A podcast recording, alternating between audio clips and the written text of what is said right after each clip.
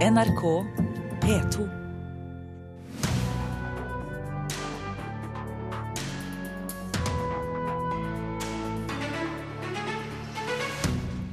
Problemene står i kø for prestisjeprosjektet Per Gynt ved Den Norske Opera. Cellistene i Oslofilharmonien gir ut juleplate sammen med gatemagasinet Er lik Norge. Mulig budsjettkutt truer bandøving i fengslene. Og Fredagspanelet samles om Band-Aid, Bill Cosby og kjønnsforskjeller her i Kulturnytt. I Nyhetsmorgen i NRK. Problemene står altså i kø for eh, prestisjeprosjektet Per Gynt, som skal ha urpremiere ved Den norske opera. Åtte dager står igjen til urpremieren, og én av forestillingene er avlyst. Kino- og TV-produksjonen er lagt på is. I tillegg har notene fra komponisten blitt så forsinket at ensemblet sliter med å lære seg alt i tide. Kilder i operaen NRK har snakket med, sier de aldri har opplevd lignende. En nyskrevet opera basert på selveste Per Gynt. Det er ikke rart at alle er i høyspenn i operaen om dagen, for premieren er om åtte dager, og dette er et prestisjeprosjekt. Verdens fremste operakritikere har meldt at de kommer. Alle er nysgjerrige på hva operasjef Per Boje Hansen har klart å få ut av Ibsens mesterverk.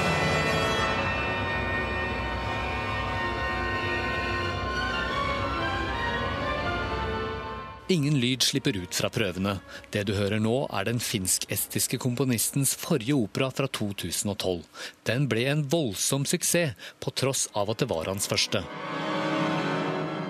Da han så denne operaen i Helsinki, visste Per Boje Hansen at han hadde funnet sin mann. Juryregnværet skulle skrive Per Gynt, både musikken og libretto.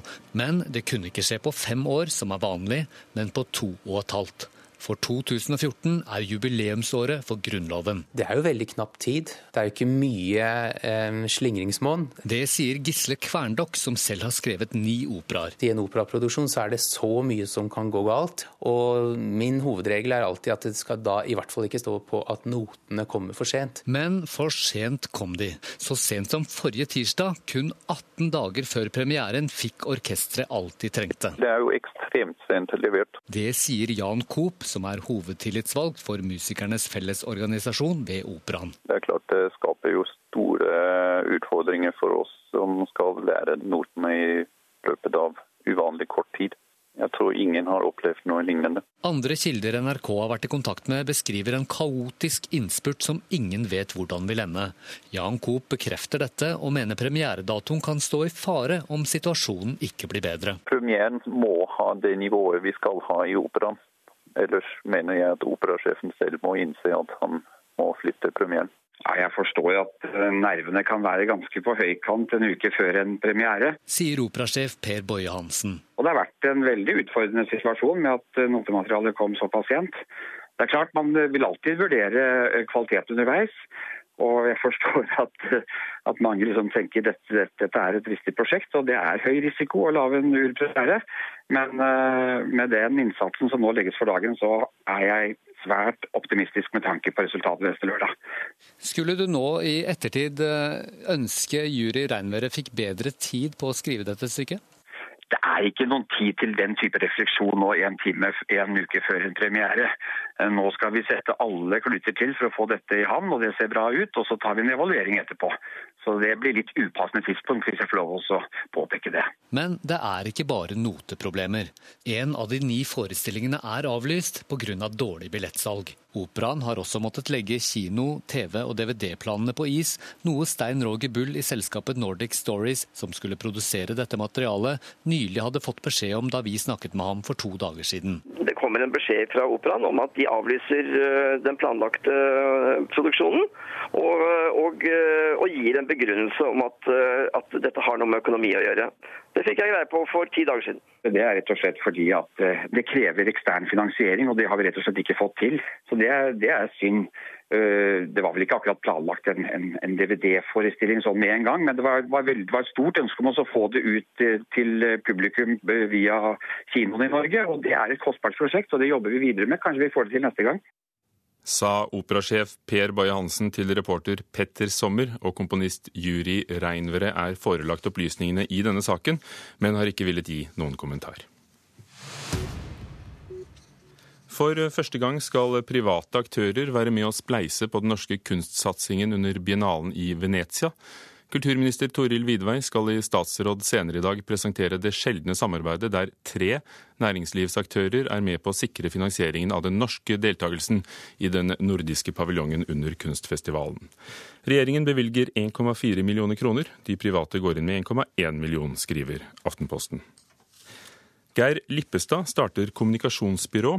Anders Behring Breiviks forsvarer sier han skal fortsette som advokat, og i tillegg selge såkalt verdikommunikasjon til bedrifter og organisasjoner som er i tunge omstillingsprosesser. Lippestad presiserer overfor Dagens Næringsliv at kommunikasjonsbyrået ikke skal drive lobbyarbeid eller politisk påvirkning. Da cellistene i Oslofilharmonien fikk Maris Janssons stipendet for to år siden, ville de gjøre noe uvanlig. Det ble til en plate sammen med gatemagasinet Er lik, som selges på gaten i flere byer i Norge, og tekstene er skrevet av selgerne selv. En av dem er Anita Solberg. Det hender jeg sitter og skriver, ja, og mange dikt eh, som jeg har skrevet. Så hender det at jeg eh, legger inn et dikt i boka. Eller bladet. Det er deilig å se når morgenen gryr. Da våkner livet til alt som det betyr. Skyene, forsvinner, forsvinner, nå når lyset kommer til. Fugleskokken på himmelen, den virker helt vill. Ja, Johannes Martens, dette er Espen Skjønberg som leser, og, og du og de andre cellistene spiller. Hva var det du ville? For det var du som fikk ideen opprinnelig? Ja, det var eh, altså dette stipendet vi har internt eh, i Filharmonien, Maris Janssons eh, stipend, som er oppkalt etter vår tidligere sjefsdirigent. Da. Man kan søke om kunstnerisk utvikling for musikerne. Og vi i cellogruppa hadde lyst til å gjøre noe sammen som var litt ambisiøst. Så da var det noen som kom på at vi kunne jo gjøre en plate. Og så ville vi også gjøre noe eh, veldedig, og da kom den gode ideen fra noen om at vi kunne kontakte Er lik. Og de eh, er jo en fantastisk eh, organisasjon som gir ut dette bladet som alle vel kjenner til, i, i hvert fall i Oslo. Ja, det kommer i flere byer også. Og, ja, det gjør det også. og, og i dag lanseres platen sammen med juleboken Er lik Norge, som den heter. Ja. Hva syns du, da, når det er gått eh, snart to år og platene er laget, og, og du hører Espen Skjønberg lese og, og, dere spille? Jo, det er eh, faktisk første gang jeg hører hun eh, Anita også. Det er litt rørende å, høre at det knyttes opp mot disse selgerne òg. At det både er for oss et kunstnerisk produkt som vi har hatt veldig stor glede av å lage, samtidig som vi håper at, at det kommer selgerne til gode også, i form av at de kan selge dette produktet på gata. Og, og, i Dagsrevyen i NRK i kveld blir vi bedre kjent med, med Anita Solberg og, og, flere av de andre som skriver eh, diktene. Men dere har fått med dere på den ene siden selgerne, som har skrevet eh, dikt og lyrikk. Og så har dere i cellistene i Oslofilharmonien spilt. Og så har dere fått med dere eh, Truls Mørk, også kjent cellist.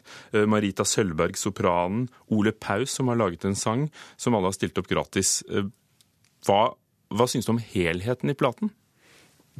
Jeg syns det har blitt en, en, verdig og fin eh, plate.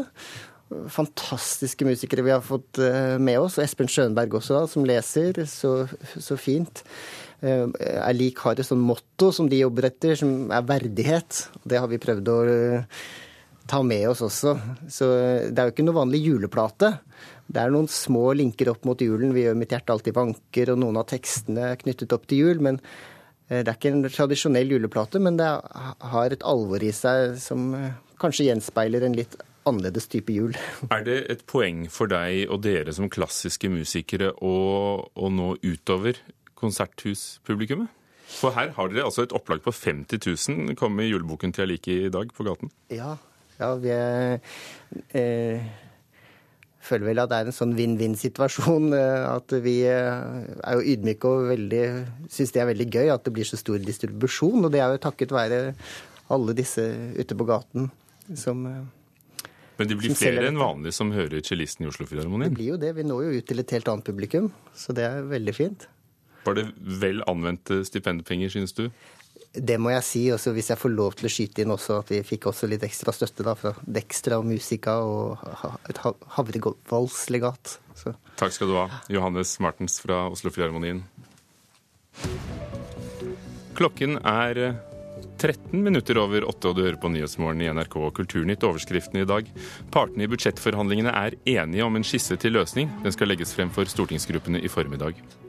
Eksporten av kontantstøtte til utlandet øker. Det meste går til Polen. 880 personer fikk i september utbetalt kontantstøtten gjennom EØS-reglene. Barack Obama vil gi flere millioner ulovlige innvandrere oppholdstillatelse i USA. Betingelsen er at de registrerer seg hos myndighetene og begynner å betale skatt. Og apropos budsjettforhandlingene, det kan bli slutt for bandøving for innsatte i fengslene. De blir, det blir en følge eventuelt av kuttforslagene i statsbudsjettet hvis de blir gjennomført. Det får vi vite senere i dag.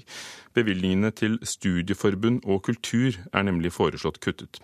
I Tromsø fengsel møter innsatte instruktørene sine én dag i uken. Etter lange, lyseblå korridorer og et utall nøkler bak ei jerndør lyden av et rockeband som øver. Ja, det, er en, det er en låt som jeg har laga når jeg har sittet inne. En sånn cellerlåt. Så det handler om situasjonen? Ja, det handler om situasjonen, livet, sikkert livet til mange andre. Vokalisten med rytmegitar, kortklipt hår og ei tatovering på underarmen, det er han som har laga låten. Musikk betyr alt. Det er terapi. Da lærer man jo å spille i lag istedenfor å sitte på cella og spille litt feil.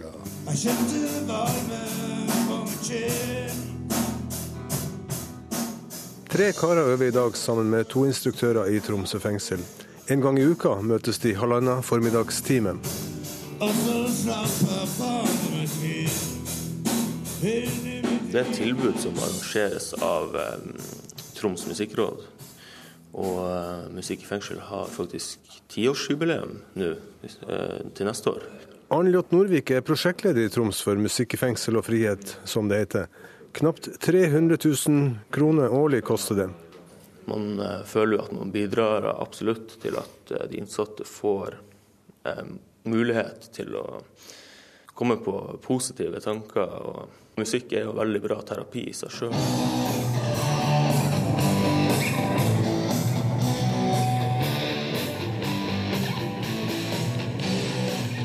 I hele landet er det 82 kulturtiltak på 36 soningssteder. Alle fylker har ordninger, bortsett fra Nord-Trøndelag og Vest-Agder. I tillegg til kuttet på 40 millioner til studieforbund og frivillige organisasjoner, rammes fengselstilbudet av at både Justisdepartementet og Kulturdepartementet fjerner penger til det. Ja, Det som skjer, er at vi må legge ned, og det er jo selvfølgelig veldig kjipt. Sier prosjektleder Anjot Norvik. Vi får spillere, for et lite avbrekk i hverdagen. og Det er stort sett det eneste vi har av, av tilbud her inne. Bassisten med hestehale og store tatoveringer på armene. Det er jo det man gleder seg til, å komme hit og spille litt musikk. Og trommisen en litt yngre kar. Så det er jo, det er jo trasig hvis vi ikke får ha det hjemme. Jeg fikk en følelse av å leve. Men betyr det noe så mye for dere innsatte om dere må klunke på gitaren alene på cella? Ja, hvis det blir stopp her, så da tror jeg jeg lar gitaren stå en stund. Det er kjedelig å sitte og spille alene.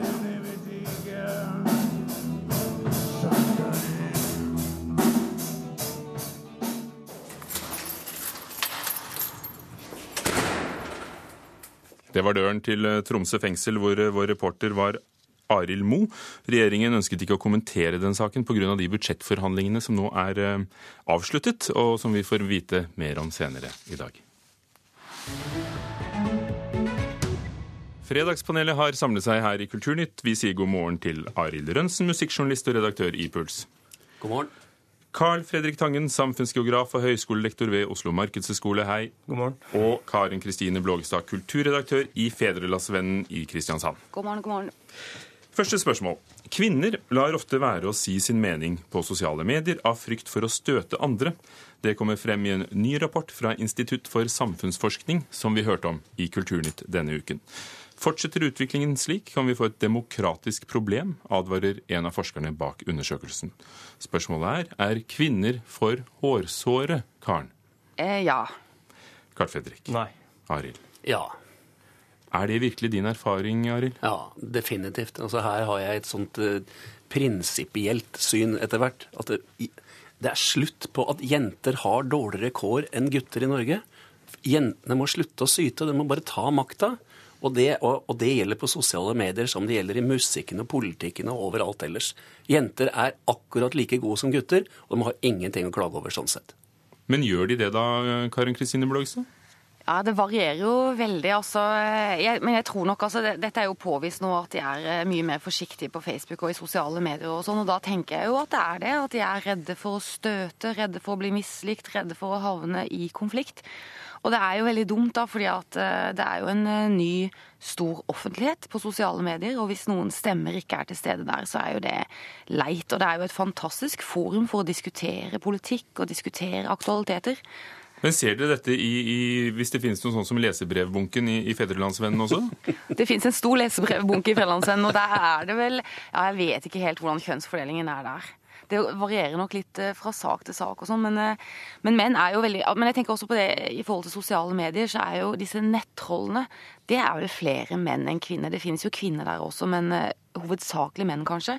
Så det kan jo hende at noen menn bør holde litt tilbake også. Det er jo ikke sikkert at bare kvinner skal delta veldig veldig, veldig mye mer. Det er jo en gruppe menn som godt kunne bremse litt òg. jeg,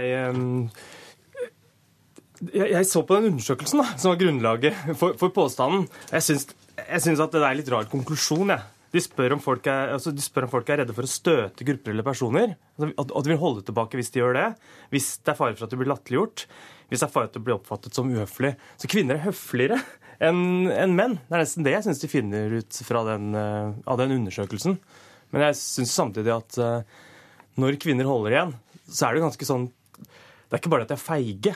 Altså, det er jo en klar erfaring at kvinner blir møtt annerledes. Altså, de, de ting, den, den, responsen kvinner blir utsatt for, er brutal på en annen måte. For det går mye mer på, på, på kroppen deres og på hvordan de er som eh, personer, og trusler om voldtekt. Og menn blir ikke utsatt.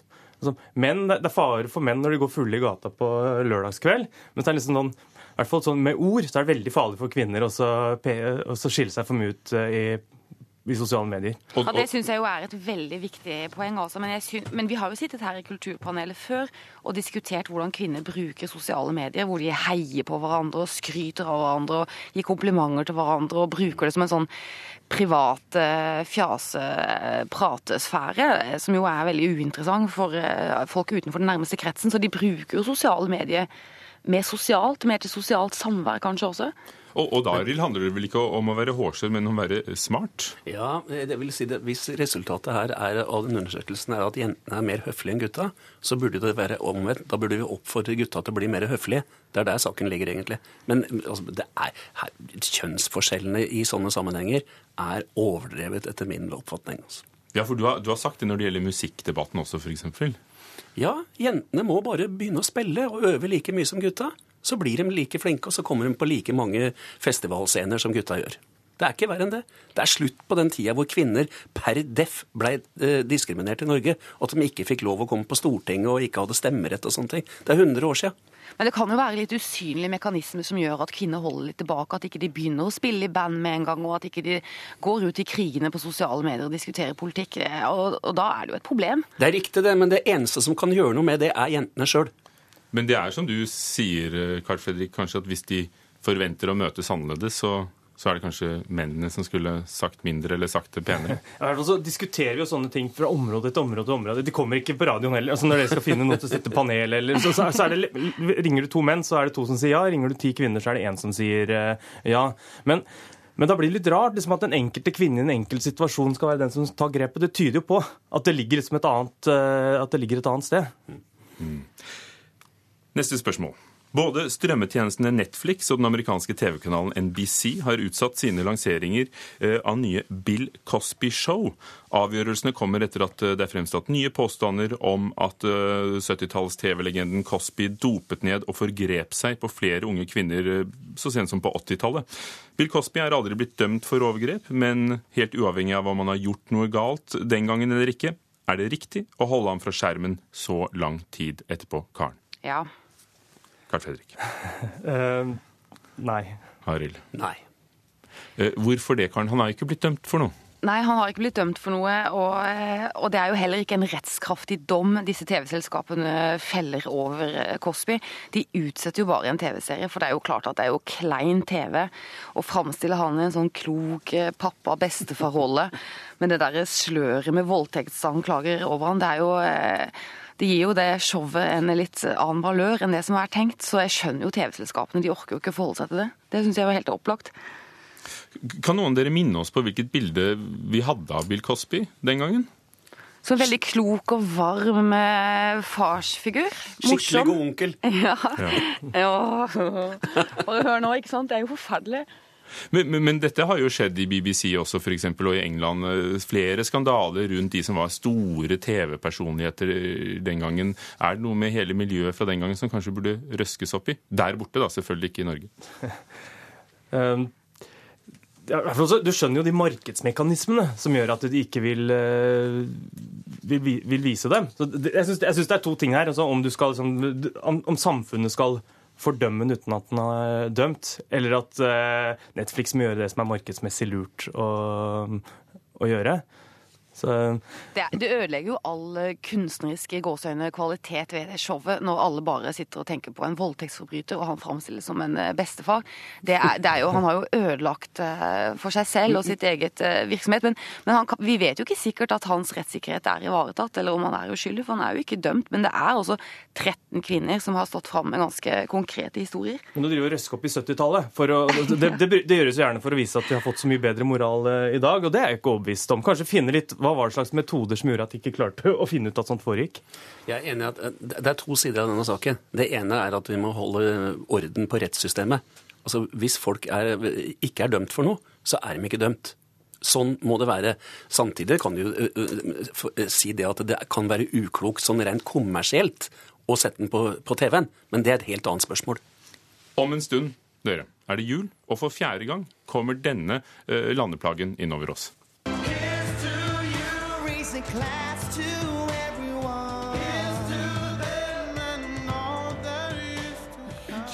Nok en gang drar Bob Geldof låten 'Do They Know It's Christmas' opp av hatten for å hjelpe trengende, denne gangen ebolaofre i Vest-Afrika. Er dette en god idé, Arild?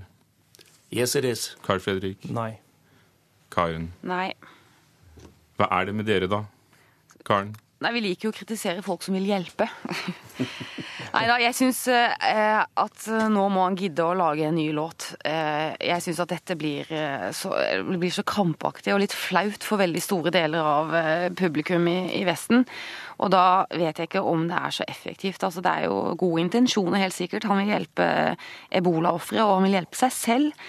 Men han må gidde å lage en ny låt. Han kan ikke være en sånn handelsreisende i eh, i voldsom uhjelp med denne låta her. Og bistandsfaglig så er det vanskelig. altså Det framstiller et Afrika, altså det er svært sånt Afrika, hvor they are. Altså de, de lagde jo den sangen nå nylig. Altså, Yes, we know it's Christmas. Altså, endelig kommer det svaret som uh, Geldof uh, lurer på. sånn at uh, det er ikke så mye penger, og det er innmari mye offentlighet. Så, du får en sånn, så det bidrar til et forsterket sånt vrengebilde av forskjeller eh, mellom en sånn bra vest som trenger å hjelpe, og et stakkarslig Afrika som må hjelpes. Ja, og det de sier der, er jo at de, de, de, har jo klart å stoppe ebola en god del afrikanske land. Og de har gjort det sjøl og gjort det med, med sitt eget uh, samfunn. Og så kommer rockestjerner og tror at det er liksom, neste trinn er at det er de som skal ordne opp i det. Nå har dere fylt opp. Arild? Ja, men uh, det, her er det også mange ting. For dette, noen sier at dette er patronizing. Altså overfor afrikanske befolkning. Altså alle som bor i Afrika. Altså. Det er jo, ja,